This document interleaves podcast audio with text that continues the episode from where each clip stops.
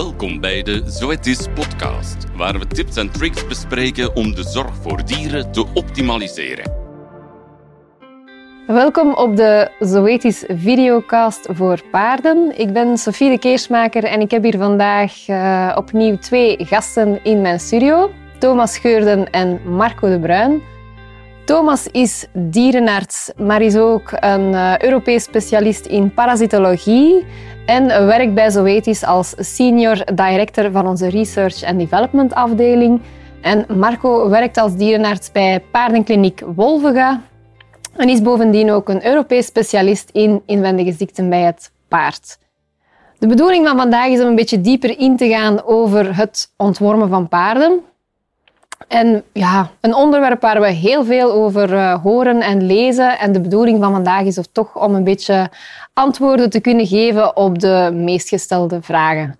Marco, we spreken over uh, ontwormen, maar eigenlijk ben ik misschien beter van te zeggen wormcontrole in het algemeen, want er is wel meer dan alleen uh, het ontwormen. Ja, er is zeker uh, meer dan alleen het ontwormen. Uh, sterker nog, uh, dat wordt belangrijker en belangrijker. Want ehm, langer geleden hadden we verschillende soorten wormmiddelen, hè, verschillende groepen. En ehm, eigenlijk is er nog maar één groep die tegen de belangrijkste worm werkt. En uh, daar zijn we dan helemaal van afhankelijk. Dus we moeten eigenlijk uh, voor andere uh, strategieën zorgen om controle te houden op uh, de wormbesmetting van jouw paard en op jouw bedrijf. En we hebben heel lang te veel gehangen op de kant van het ontwormen. Maar we moeten meer kijken naar wat kunnen we doen om het te managen. En uh, een, uh, een, belangrijke daarvan, denk ik, is uh, gewoon even begrijpen van hoe die wormcyclus in elkaar steekt en hoe die overleeft en waar die dan zit. Um, om je een voorbeeld te geven, als ik nou een particulier ben en ik heb één hectare wei, dan in plaats van die, al mijn paard gewoon een jaar rond op die ene hectare neer te zetten, en hem s'avonds weer naar binnen te halen, zou ik uh, uh, er beter aan doen, of wellicht er beter aan doen, om uh, er vier stukjes van te maken. en hem om de zoveel tijd als het gras wat opgeraakt naar het volgende stukje te doen.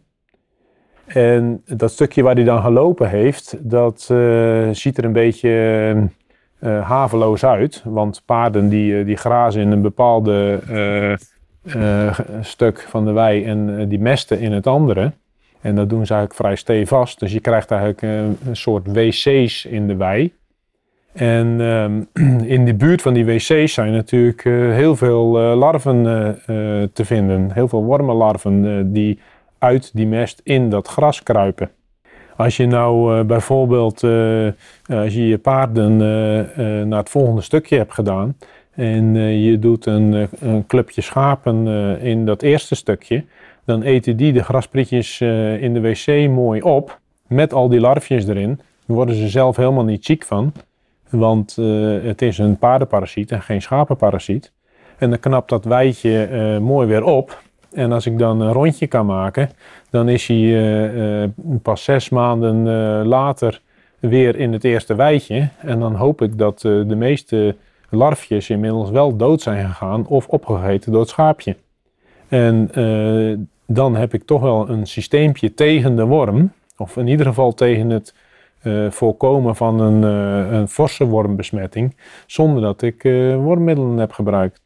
En misschien om daaraan toe te voegen, wat daar ook beschreven staat, is op regelmatige basis de, de mest ook verwijderen. Dat is natuurlijk wat extra werk voor de eigenaar, maar dat is zeker iets dat uh, zijn vruchten afwerpt. En uh, ja, ik herinner mij nog altijd een heel leuke foto van, er was in Amerika iemand die blijkbaar niet zo heel veel zin had om dat te doen en daar een soort weidestofzuiger had ontwikkeld. Nu, dat is niet, natuurlijk niet commercieel beschikbaar. Het was gewoon ja, iets ludiek, maar het illustreert wel dat uh, het feit van die mest te verwijderen, naast aan de vermindering van de infectiedruk door die schapen, door herkauwers erop te zetten, is, is duidelijk een, uh, een, een, maatregel die dat gaat helpen. Hè. En ik wou ook nog eens terugkomen, Marco, op wat dat je zei in het begin, want dat is denk ik heel belangrijk om dat te onderstrepen. Uiteindelijk bij paarden zijn er maar drie categorieën van ontwormingsproducten. Uh, en bijvoorbeeld tegen bloedwormen is er nog maar één categorie waar dat we op dit moment nog een goede werkzaamheid hebben. En um, ik denk dat eigenaars en dierenartsen zich moeten realiseren dat het zeer moeilijk is om producten te ontwikkelen. En zeker producten die zo goed zijn als die ivermectines en moxidectines, die, uh, die macrocyclische lactonen. Het zal zeer moeilijk zijn om producten te vinden die net zo goed zijn. Dus het is denk ik iedereen zijn verantwoordelijkheid om ervoor te zorgen dat die werkzaamheid gehandhaafd blijft. En wat dat Marco juist uitlegde bij weidemanagement, dat is iets wat dat elke eigenaar aan kan meewerken en, en, en ervoor kan zorgen dat die producten op zijn weides blijven werken en in zijn paarden blijven werken. Ja, en dat sluit eigenlijk mooi aan. Uh, door inderdaad, hè, we moeten zorgen dat die producten werkzaam blijven. Dat is ook een van de redenen waarom we nu veel meer gaat zeggen van we ontwormen op basis van uh, mestonderzoek. Misschien kan je daar ook nog iets meer over uh, vertellen, Thomas? Ik denk uh, mestonderzoek is, is een cruciale, uh, cruciale stap, maar het is ook niet heiligmakend. Dus we moeten ook beseffen dat mestonderzoek heeft een aantal beperkingen. zolang dat je daarvan bewust bent, kan je je, je uitslag goed interpreteren. Dus iemand die die enige training daarin heeft gehad en, en die de wetenschap van, van de epidemiologie enzovoort kent, uh, dat is wel nodig. Uh, en het is ook um, een hulp uh, naar, naar beslissingen toe. Uh, en, en zoals reeds gezegd, het is ook wel belangrijk om op de juiste momenten mestonderzoek te gaan doen. Dus ja, mestonderzoek heel belangrijk. Um, absoluut. Maar binnen de juiste context en het moet door de juiste mensen geïnterpreteerd worden. Ik denk dat dat wel belangrijke punten zijn naar mestonderzoek. Maar absoluut, cruciale factor.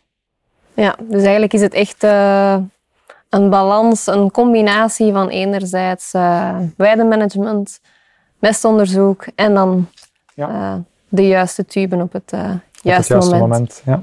ja, en die weide die moet je eigenlijk proberen zo schoon mogelijk te houden. Hè? En als je beseft dat uit een verse mesthoop allemaal larven kruipen, hè, die in dat gras gaan zitten, dan kun je ook wel uh, bedenken dat het niet verstandig is om uh, met een bloter uh, rond te gaan rijden en die mest over de hele wei te verspreiden, zodat het paard niet meer kan ontsnappen aan de wc.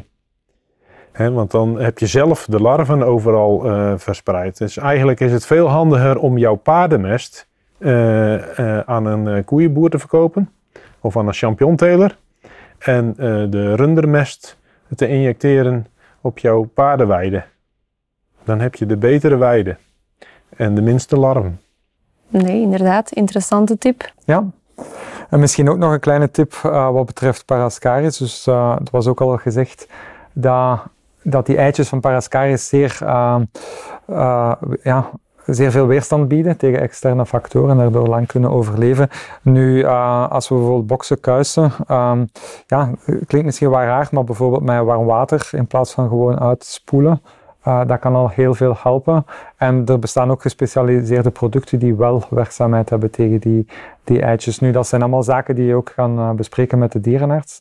Maar uh, als je echt ziet dat je een, een spoelwormprobleem hebt op je, op je bedrijf, zeker ook te overwegen om, om de boxen eens aan te pakken.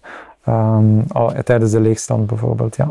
En wat misschien ook een leuke is om even om, uh, op uh, Thomas' semesteronderzoek uh, aan te vullen, is op het moment dat je een ontworming hebt gedaan, dan daags nadien en daags daarna zelf de mest gaan bekijken. Vind ik rode bloedworm? En zo ja, hoeveel vind ik er? Vind ik van die spaghetti's uh, uh, als ik mijn veulen uh, heb ontwormd.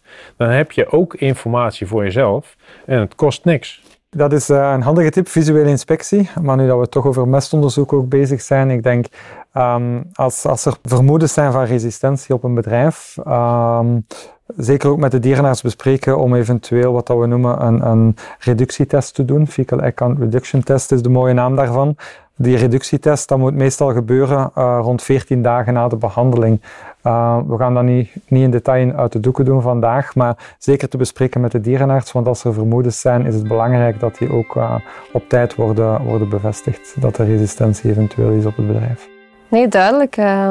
Dank je wel opnieuw, Thomas. En Marco, voor uh, weer een heel interessant gesprek. Het is, het is heel duidelijk geworden dat het een, uh, een combinatie is tussen enerzijds uh, de juiste ontwormingsproduct op het juiste moment, maar zeker ook weidemanagement en mestonderzoek. Heel belangrijk in de aanpak tegen wormen. Moesten jullie nog meer willen weten over het ontwormen van paarden, neem dan zeker ook nog een kijkje op onze website van Zoetis of op het Zoetis Spotify-kanaal.